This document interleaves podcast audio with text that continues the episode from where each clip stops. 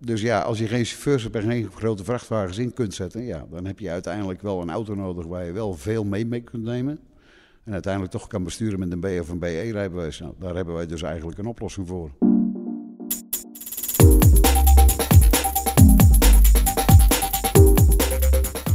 Welkom bij de tweede aflevering van Plankgas, de B2B Automotive Podcast. Ik ben Karim Tasmi, jullie host. Deze podcast is een initiatief van Hablar, een full-service marketingbureau in Rotterdam. Hablar realiseert groei voor automotive bedrijven door onvervuld marketingpotentieel te ontdekken en benutten. Vandaag heb ik de eer om jullie voor te stellen aan onze tweede gast, Niek Slotboom. Niek is sinds juni 2017 algemeen directeur van BE Combi Group. BE Combi Group is de laadvermogenspecialist voor B- en BE-voertuigen. Met innovatieve concepten bouwt BE Combi standaard lichte bedrijfswagens om tot een BE-combinatie met laadvermogens tot wel 3000 kilo. Niek, welkom bij Plankgas Podcast. Vertel eens wat meer over jezelf.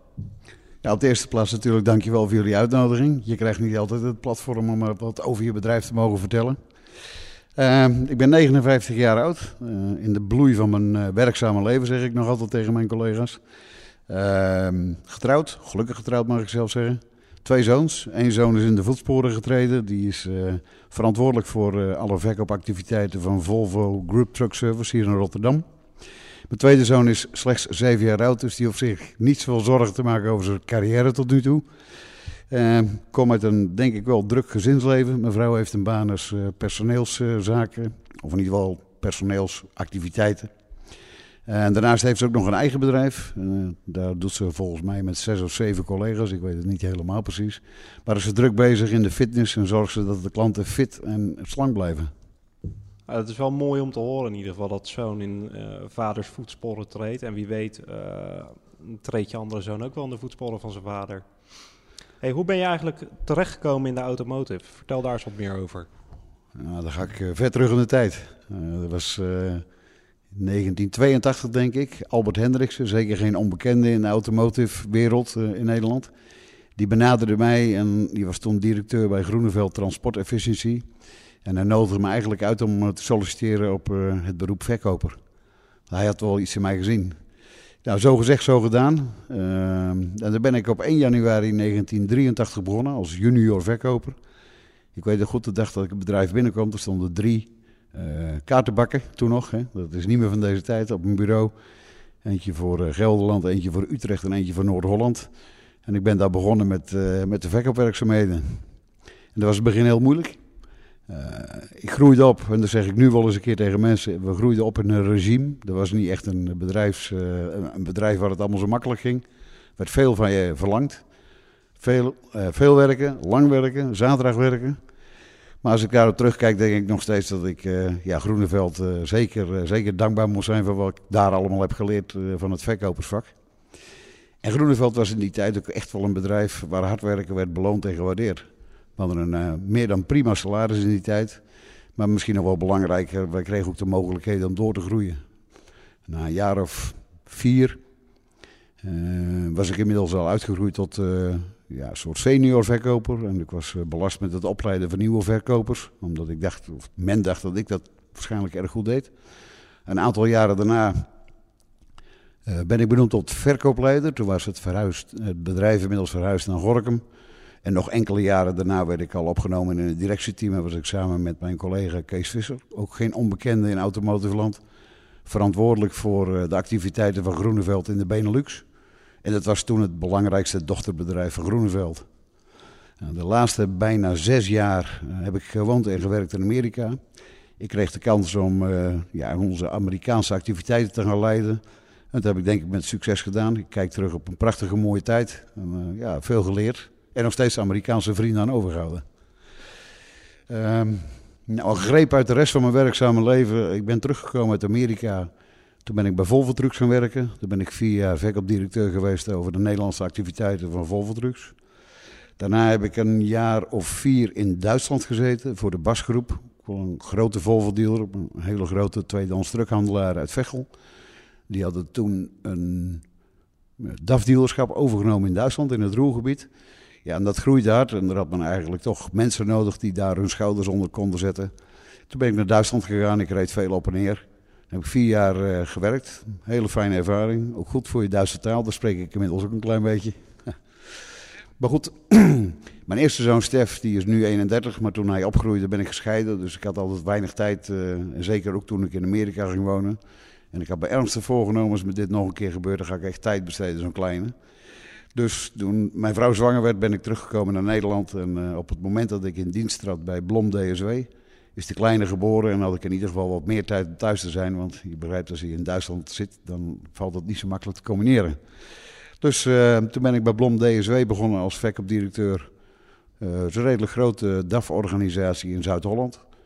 Die doen naast DAF ook Iveco bedrijfswagens en Fiat Professional bedrijfswagens. Dus dat was eigenlijk ook al een klein beetje de eerste keer dat ik echt te maken kreeg met de lichtere bedrijfswagens.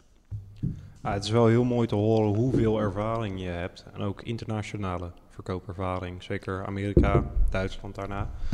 Maar nu toch weer op eigen bodem, toch? Nou, met BE Combi. Hey, hoe is uh, BE Combi eigenlijk ontstaan? Kan je me daar meer over vertellen? Ja, nou, BE Combi is begonnen als een echte eenpitter. Henk-Jan Uitenbouwer. Die werkte bij zijn vader in een landbouwmechanisatiebedrijf.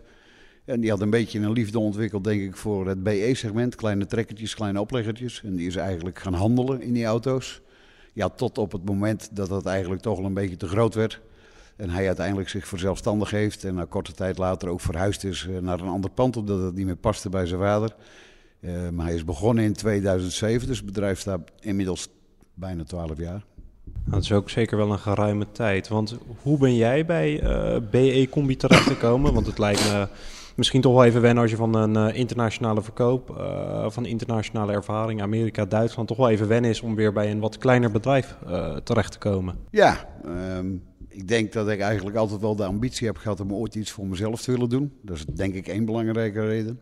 Ja, moet niet ondernemen om te ondernemen, maar bij alle andere bedrijven waar ik werkzaam ben geweest, ja, voelde ik me eigenlijk toch altijd wel een soort ondernemer in loondienst. Dus als zo'n mogelijkheid voorbij komt, dan is dat heel erg leuk. Uh, het werd ons overigens aangeboden door een uh, consultantbedrijf. Uh, Henk-Jan Uitenbogen, de toenmalige eigenaar, had een bedrijf ingehuurd om hem te helpen naar het zoeken van een financier en extra management binnen zijn bedrijf. de financier eigenlijk om een stukje groeifinanciering mee te kunnen doen. En extra management omdat hij eigenlijk veel meer gericht is op de techniek en veel minder affiniteit heeft met bijvoorbeeld het leiden van een bedrijf, internationalisering. Dus ja, we hebben daar serieus aan gekeken. En als ik zeg we, dan praat ik over een investeerder en ikzelf. En dat heeft er uiteindelijk toe geleid dat wij BE Combi hebben overgenomen en niet hebben geparticipeerd. En we hebben een nieuw bedrijf opgericht waar de oude eigenaar Henk Jan ook nog een stukje aandeel in heeft. Dus uiteindelijk uh, is dat een nieuwe constructie zoals we op dit moment in de markt staan. Want merk je ook voor jezelf dat het echt wel anders is nu je eigenlijk echt ondernemer bent in plaats van de ondernemer in loondienst? Nou, ik denk dat ik uh, iets vaker op de bankstand kijk. Dat is misschien dan een stukje ondernemer. Voor de rest, ja, je draagt een stuk verantwoordelijkheid. Maar ik heb mijn werk uh, voor een werkgever eigenlijk nooit op een andere manier uitgevoerd zoals ik het eigenlijk nu doe. Het fijne daarvan is wel dat je weet dat het ook een stukje van jezelf is. Dat is fijn. Ja, zeker. En je voelt je natuurlijk ook niet gelimiteerd in de, in, in de mogelijkheden. Je kan kansen grijpen zonder. Uh, je kan meer het, uh, kansen grijpen natuurlijk ook op gevoel. Zeg maar, als dat goed voelt voor jou, dan kan je daar ook achteraan gaan natuurlijk. Ja, absoluut. Welke problemen lost BE Combi op voor bedrijven? Het, het, zijn natuurlijk voertuigen, maar ik denk wel dat er zeker, wat, uh, dat er zeker wel wat oplossingen bij gemoeid zijn uh, voor bedrijven. Zeker. Um, ja, het meest in het oog springende is natuurlijk uh, ja, de slogan die we ook gebruiken, de laadvermogensspecialist. En we kennen natuurlijk allemaal de kleine bestelwagens. De bestelbus is er daar één van, maar ik praat dan eigenlijk over de variant chassis cabine. Er wordt een laadbakje opgebouwd, er wordt een laadklepje aangemaakt voor het bezorgen, distribueren. Uh, bij uitstek een zeer goede combinatie. Is een kleine flexibele auto. Alleen het laadvermogen dat houdt op bij 5, misschien 600 kilogram. Wij zorgen voor extra laadvermogen met onze producten. Hetgeen betekent dat je uiteindelijk met een kleine auto nog steeds erg veel mee kunt nemen. Als je hebt over problemen, eh, dan moet je een klein beetje kijken naar de trends in de markt. Eén daarvan is bijvoorbeeld het enorme tekort aan chauffeurs. Uh, op dit moment worden door de branche zo'n 7.500 chauffeurs gezocht. In Nederland alleen al. En er zijn er natuurlijk heel erg veel en die zijn ja, minder gemakkelijk te vinden, omdat het vak van chauffeur toch een stukje van zijn glans heeft verloren. Als ik het vergelijk met bijvoorbeeld 20 jaar geleden. Um, dus ja, als je geen chauffeurs hebt en geen grote vrachtwagens in kunt zetten, ja, dan heb je uiteindelijk wel een auto nodig waar je wel veel mee, mee kunt nemen.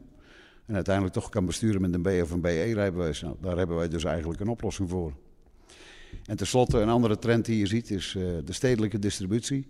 Uh, we zitten hier in Rotterdam. Ik geloof dat Rotterdam ook elke dag al bezig is om vrachtwagens te weren uit de binnenstad. En uh, ja, mensen te motiveren voor andere manieren om hun goederen uiteindelijk op de juiste plaats te krijgen. En ik denk dat wij daar een antwoord op hebben dat we natuurlijk nog steeds een kleine compacte auto bouwen.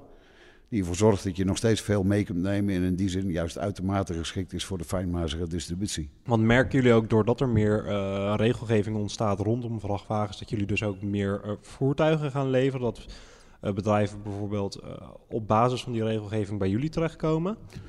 Ja, het is meestal een combinatie van factoren. Soms uh, ligt de oorsprong in een kleinere auto waar meer meegenomen moet worden, maar dat gaat gewoon vanwege de afmetingen niet.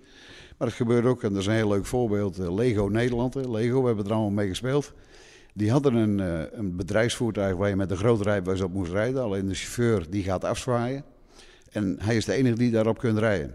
Nou, de auto staat inmiddels binnen. We bouwen hem om naar een BE-combi. Er zijn drie mensen die nu een rijbewijs aan het halen zijn. Een E achter B, dat is een heel eenvoudig rijbewijs. Daarmee garandeert hij in ieder geval dat het bedrijf dan alle tijd gebruik kan maken van de vrachtwagen. En dat is maar één voorbeeld, maar daar zijn er echt heel erg veel van. Ja, ik weet nog wel dat ik vroeger speelde met mijn uh, Lego trucks in ieder geval. Nou ja, je, je merkt het wel ook uh, natuurlijk hier in, uh, in, Rotterdam, natuurlijk met wet en, wet en, regelgeving, met de milieuzones, merk je dat het toch wel lastig is voor traditioneel transport om te blijven en kunnen vervoeren in ieder geval. Hm. Nou ja, we hebben natuurlijk even over de mail gesproken. Wat voor type systemen jullie natuurlijk hebben. Wat voor type systemen leveren jullie eigenlijk allemaal qua BE-combi's? Nou, we hebben in principe drie productlijnen. Uh, wat we allemaal een klein beetje gestandaardiseerd hebben. En de drie productlijnen zijn eigenlijk de traditionele trekker-oplegger. Die zie je nog steeds rijden. Een losse Iveco Mercedes-Benz trekkers die we ombouwen. Daarachter hangt meestal een oplegger. Die leveren wij ook. Of in opdracht van de klant zorgen we dat er een oplegger komt. Dat kan alle twee. Daarnaast hebben wij lage vloersessies. Uh, dat zijn eigenlijk ombouwen van bestaande voertuigen waar het chassis een stuk wordt verlaagd, waardoor je eigenlijk heel gemakkelijk met rolcontainers en allerlei andere zaken naar binnen kunt rijden, wat eigenlijk echt ook ja, voor de fijnmazige, fijnmazige distributie is. Vinden hun weg veel in de bloemenwereld, uh, het bevoorraden van bloemenwinkels. Dat gebeurt veelal met Deense karren, zoals dat in het vakjargon heet. En we hebben dan een laadbakje gebouwd waarbij je de karren zo naar binnen kunt rijden. En de afmetingen zijn precies gemaakt voor 13 Deense karren.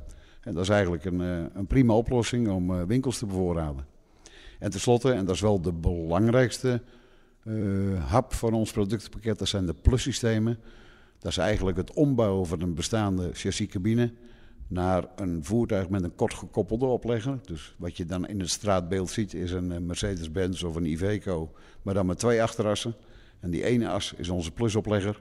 En vervolgens is het kort gekoppeld op elkaar. Dan is dat een BE-combinatie geworden. Ik heb nog wel de vraag: bouwen jullie enkel nieuwe voertuigen om? Of bouwen jullie ook bestaande voertuigen van transporteurs om naar een BE-combi? Dus een gebruikt voertuig wat omgebouwd wordt naar jullie BE-combi? Gebeurt wel een hele enkele keer. Alleen eerlijkheid gebiedt me te zeggen dat uh, het voertuig aan zich. Dat moet aan een aantal specificaties voldoen die wij nodig hebben voor onze ombouw. En lang niet altijd is zo'n bestaand voertuig, heeft hij al die opties. Nou, dan wordt het een hele dure verbouwing. En in zo'n moment is het beter om de klant te adviseren om een nieuw voertuig te kopen. En dan ruilen wij het oude voertuig ook wel eens een keer in. Wij doen ook wel wat handel in gebruikte voertuigen. Dus dat past ons eigenlijk ook prima. Dan helpen we de man eigenlijk op twee punten. We verkopen zijn oude auto en we leveren een nieuwe auto.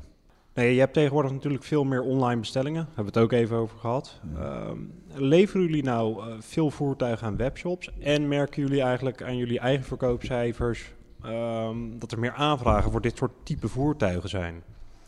Nou ja, we hebben zelf een uh, redelijk goede website. Die wordt ook echt goed bezocht. Daar komen ook best uh, aanvragen ervoor. Ik denk dat wij elke week wel een aantal aanvragen hebben via onze website. Of, website.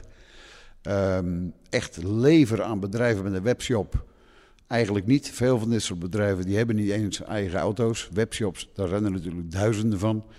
En die leggen veelal de verantwoordelijkheid voor de opslag en de overslag en het afleveren en bestellen leggen ze neer bij e-fulfillment companies. En die hebben op haar beurt natuurlijk wel vrachtwagens of uh, bestelwagens. Of die werken samen met chatters. En dan zijn dat courierbedrijven die uh, in opdracht van dat bedrijf de goederen afleveren. En behoren die e-fulfillment companies wel tot jullie klantenkring? We hebben er een paar, ja, inderdaad klant van ons zijn. Oké.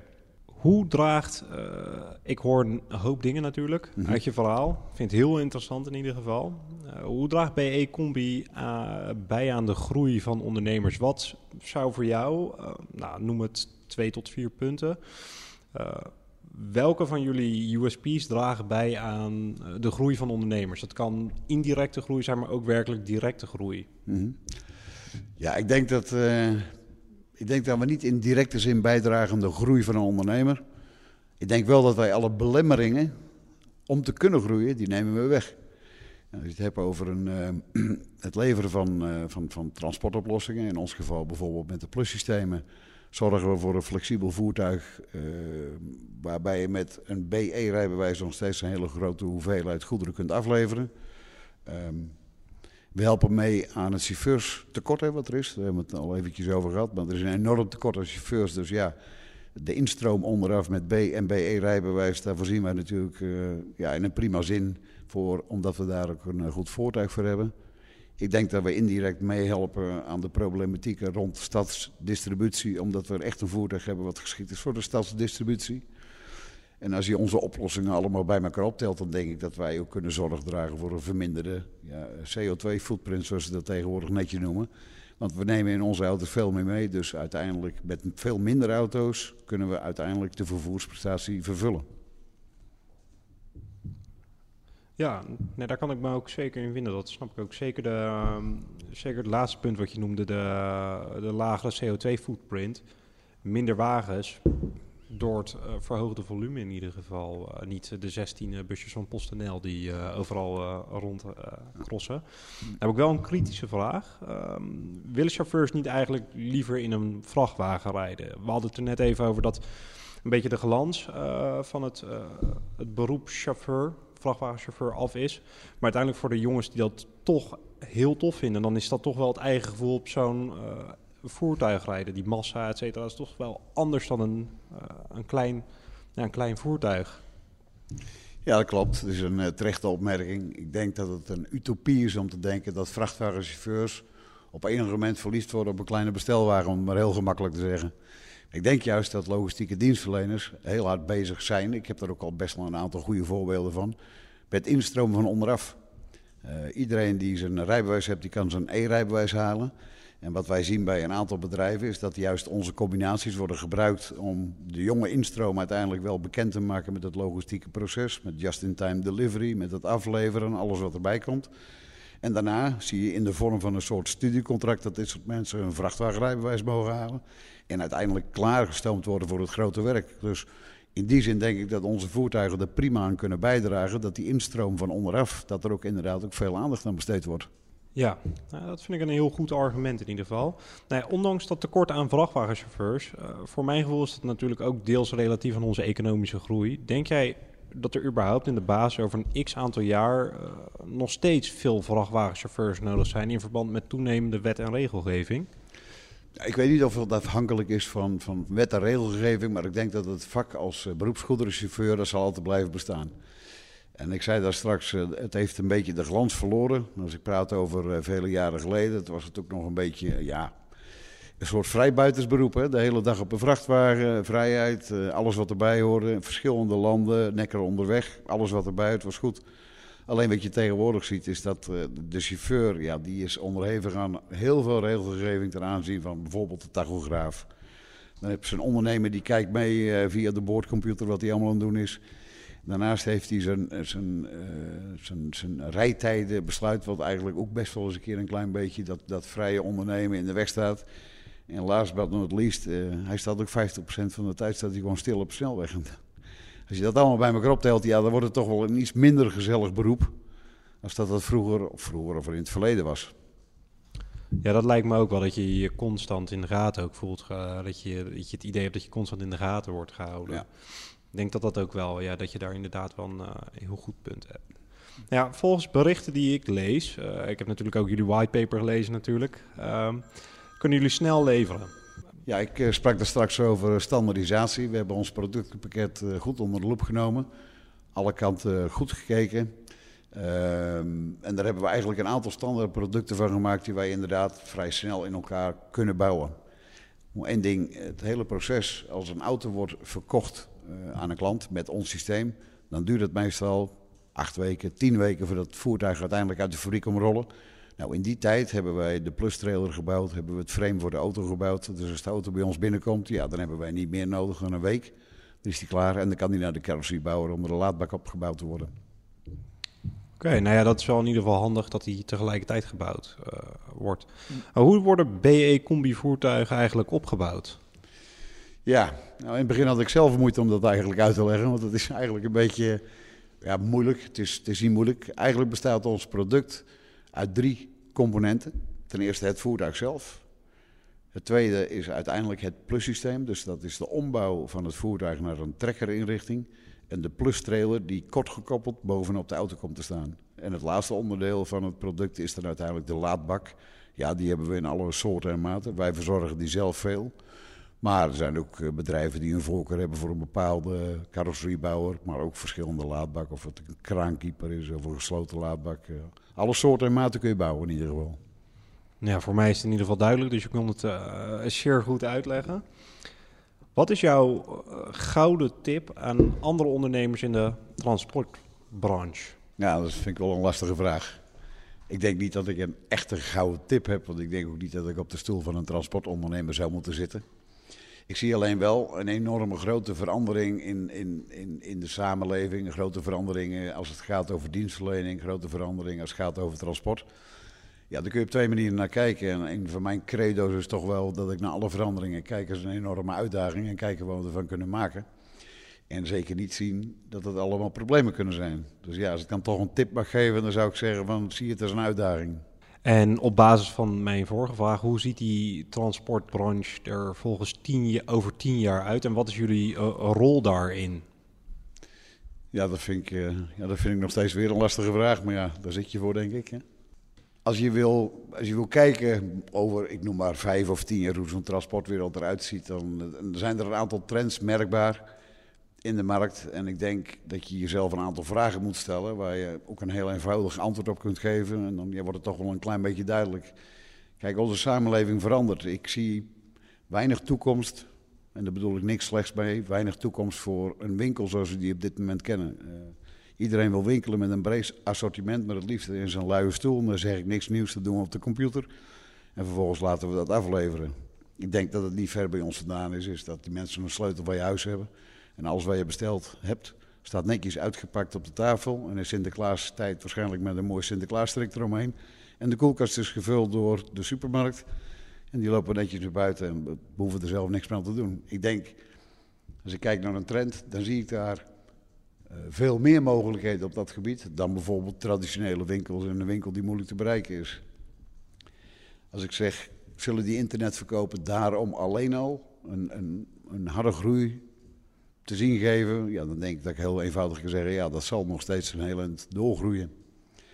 Als ik kijk naar um, de regelgeving rondom de stadsdistributie als voorbeeld, dan vraag ik mezelf van, zouden er meer of minder regels zijn in de toekomst als het gaat over grote vrachtwagens in de stad? Nou, ik denk dat iedereen daar je gelijk geeft als je zegt, ja, die regelgeving die zal alleen maar groeien. Nou, als je kijkt naar die trends, dan denk ik dat uh, in ieder geval als het gaat over stadsdistributie, dat dat echt op een andere manier in de toekomst gaat gebeuren dan we tot nu toe gewend zijn. Ik voorzie uh, grote, grote distributiecentra buiten de stad, uh, waar alle vrachtwagens hun goederen brengen. En vervolgens worden van die distributiecentra worden de stadsdistributie gedaan met bij voorkeur elektrische auto's, denk ik, als het gaat over de CO2. Dat is ook zo'n discussie. En ik geloof dat de overheid daar echt een belangrijke rol in kan spelen om dat daadwerkelijk te laten gebeuren. Nou, ik zeg, hoe zie je transport over een aantal jaren? Dan denk ik dat dat voor mij in ieder geval die verandering ervoor zullen zorgen dat bedrijven als Combi ook zeven levensvatbaar zullen blijven. Omdat met name voor die stadsdistributie door ons heel veel auto's gebouwd zouden kunnen worden. En die zouden er ook daadwerkelijk aan bij kunnen dragen. Nou ja, om even terug te komen op het verhaal van uh, met het slot dat uh, je boodschap al thuis en ingepakt uh, in de koelkast staan. Bijvoorbeeld zo'n grote retailer als Amazon, die brengt natuurlijk meerdere producten op de markt. En zo hebben ze afgelopen jaar volgens mij een Amazon slot uitgebracht waarmee de bezorger jouw slot op basis van een dubbele verificatie op jouw mobiele telefoon van een afstand kan openen, zodat ze het pakketje bijvoorbeeld binnen kunnen zetten. En ik zag dus ook van de week het nieuwe distributiecentrum van de Albert Heijn. Nou, wat toch wat volledig geautomatiseerd is, waardoor bijvoorbeeld ehm, alle karren voor de vulploegen op basis van de schapindeling van de supermarkt uh, de vrachtwagen inrollen en er weer uitkomen, zodat het gelijk ingedeeld kan worden. Nou, dat vond ik heel. Dan merk je toch wel dat de innovatie toch wel heel erg doorkomt in de in de transportbranche. Interessante wereld, hoor. Ja, zeker. Er is ook heel veel in te verbeteren, te veranderen en te optimaliseren. Zeker uh, de laatste aantal jaar. Nee, we hadden het net ook uh, een stukje over de toekomst van BE Combi. Als je nu kijkt naar 2019, wat zijn dan jouw huidige plannen? Nou, ik uh, kom net terug van een budgetmeeting met een aantal mensen intern. Hebben we twee dagen eens goed zitten praten over de mogelijkheden. En vervolgens hebben we dat ook maar eens cijfers omgezet om te kijken hoe dat er allemaal uitkomt. Bijecombi is een eh, uiterst ambitieus bedrijf geworden. Ehm, dus ja, er hoort ook een, toch wel een ambitieus groeiscenario bij. Dus uh, dit jaar hebben wij, denk ik, uh, onze omzet ten opzichte van vorig jaar verdubbeld. En als het aan mij ligt, doen we dat volgend jaar nog een keer. Alleen ja, je moet misschien niet te veel willen. Kleine stapjes is ook goed, maar er staat weer een forse groei gepland voor het komende jaar. De focus ligt toch wel op onze, het verbeteren van onze presentatie in de Nederlandse markt. Uh, want ik denk dat er nog steeds uh, veel groeimogelijkheden zijn. Uh, door de trends die ik eerder heb beschreven, zullen meer en meer bedrijven na gaan denken over wellicht een BE-combi. Daarnaast, de Europese regelgeving rondom het rijbewijs is, zoals de naam zegt, Europees. In Spanje is een, een rijbewijs ook een BE-rijbewijs en dat is ook in Frankrijk en Italië. Hetgeen zoveel betekent dat de problematieken zoals wij die in de Nederlandse markt zijn, die zijn in Spanje en in Frankrijk en in Duitsland eigenlijk gelijk. Dus wij voorzien daar een enorme mogelijkheid om ook uh, ons bedrijf naar het buitenland te gaan verplaatsen. Um, daardoor hebben wij afgelopen, of daarvoor hebben wij het afgelopen jaar al een, uh, ja, een, redelijk uitgebreid plan uh, gestart. En dat is homologatie van onze producten. En dat betekent niet meer dat er een Europese type goedkeur komt op een BE-combi. Of dat nou een Mercedes is of een MAN, dat maakt allemaal niet zoveel uit.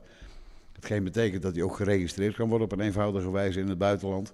En met die Europese type goedkeur, ja, dan is eigenlijk de laatste drempel wel beslecht om ook echt door te gaan groeien met het bedrijf in de buitenlanden. Dus uh, daar staat ook op de rol voor het komende jaar. Het klinkt als uh, hele ambitieuze plannen in ieder geval. Um, we hadden het net natuurlijk nog een stukje over het verminderen van CO2 in de nabije toekomst. Als we het dan hebben over verduurzaming, denk je dat er ook een elektrische variant van de BE-combi uh, komt? Uh, zeker wel. Er staat hoog op ons verlanglijstje, kan ik je ook melden. We houden de markt natuurlijk nauwlettend in de gaten. En wat je ziet is elektrificatie in de breedste zin van het woord voor vrachtwagens, bestelwagens. Ja, dat is allemaal hot. Dus ja, het zou raar zijn als wij daar niet aan mee zouden doen. Um, het is echter zo dat de meeste merken tot nu toe alleen maar een bestelwagenvariant hebben met een elektrische uitvoering. En dat is niet de variant waar wij onze ombouw op kunnen doen. Wij moeten wachten tot de chassis cabine variant. En die komen er ongetwijfeld. En dan zullen wij er ook klaar voor zijn. Want ja, ik denk wat ik al eerder zei, elektrificatie van voertuigen, dat is gewoon hot. Ik ben in Hannover geweest en bijna op elke stand gaat het wel over een vorm van elektrische aandrijving. Dus ja, dat, denk, dat zal niet meer uit het straatbeeld weg te denken zijn. En ja, uh, we popelen van, uh, van een beetje ongeduld misschien wel. Om de eerste elektrische variant van een BE-combi te gaan bouwen. Want dat zou prachtig zijn. Nou, zo te horen is BE-combi uh, klaar voor de toekomst. Mijn laatste vraag is: je krijgt de sleutel van jouw favoriete auto in je hand gedrukt. Welke auto zou dat zijn? Ja, dan moet ik even zakelijk reageren. Dat zou een BE-combi zijn, want ik ben in Rotterdam, dus dan kan ik gelijk gebruik maken van het feit om een aantal bedrijven te bezoeken en te overtuigen van onze mogelijkheden. Maar ja, als ik echt eerlijk ben, dan denk ik dat ik uh, de naam van jullie podcast eerder ga doen, Plankgas. Ik zou Plankgas wegrijden in een uh, prachtige mooie Ferrari 812 Superfast. Prachtige mooie auto, enorm vermogenspotentieel en ook nog eens heel mooi om te zien. Ja, het is een enorm snelle wagen natuurlijk. Topsnelheid 340 km per uur. 2,9 naar de 100. Ja, dat is denk ik wel een uh, waar, waarmee je heel Nederland doorscheurt in ieder geval. Kun je erg veel klanten bezoeken op een dag. zeker. Als andere mensen meer over jou of BE Combi willen weten, hoe kunnen ze jou dan het beste, uh, hoe kunnen ze dan contact met je opnemen? Nou, het makkelijkste is via onze website www.becombi.nl. Daar staan alle belangrijke contactpersonen van het bedrijf bij, met telefoonnummers, e-mail. Dus bezoek onze website en uh, je weet wie je moet hebben. Nou, deze gegevens staan onderaan het transcript van onze podcast. Die kan je hier terugvinden met alle links uh, naar BE Combi. Niek, ik wil je hartstikke bedanken voor je deelname en je tijd die je hebt gestoken in uh, de tweede aflevering van Plankgas. Nou, dit was de tweede aflevering van Plankgas. Wil je op de hoogte blijven van nieuwe afleveringen van Plankgas? Abonneer je dan via iTunes, Spotify en Mixcloud. Je kan je ook abonneren op de nieuwsbrief. Die vind je op hablar.nl slash podcast. Ook delen we de nieuwe afleveringen van Plankgas via onze LinkedIn en Facebook pagina. Je vindt ons op LinkedIn en Facebook door te zoeken naar Hablar. Wil je ook eens over jou en je innovatieve bedrijf binnen de automotive vertellen? Stuur dan een mailtje naar podcast.hablar.nl en wie weet verschijn jij in een van de volgende afleveringen van Plankgas. Tot de volgende.